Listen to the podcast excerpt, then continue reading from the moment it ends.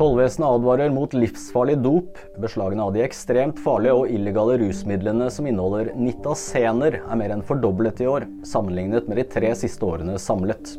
Utviklingen er skremmende og stoffet er livsfarlig, sier seksjonssjef i tolletaten Sondre Hammerstad til VG. De syntetisk fremstilte morfinlignende stoffene er så potente at det skal veldig få milligram til for at dosen er dødelig. Fire dansker omkom i en seilbåtulykke i Portugal. Det bekrefter det danske utenriksdepartementet til avisen BT. Ulykken skal ha skjedd etter at båten fredag kantret utenfor kysten av Santa Cruz nord for hovedstaden Lisboa under uværet Karen. Matthew Perry ble fredag begravet på lavmælt vis. Flere medier melder at samtlige Friends-kolleger var blant de rundt 20 gjestene. Perry ble stedt til hvile på Forest Lawn Memorial Park i Los Angeles. Jeg heter Endre Saker Nøstdal, og nyheter finner du alltid på VG.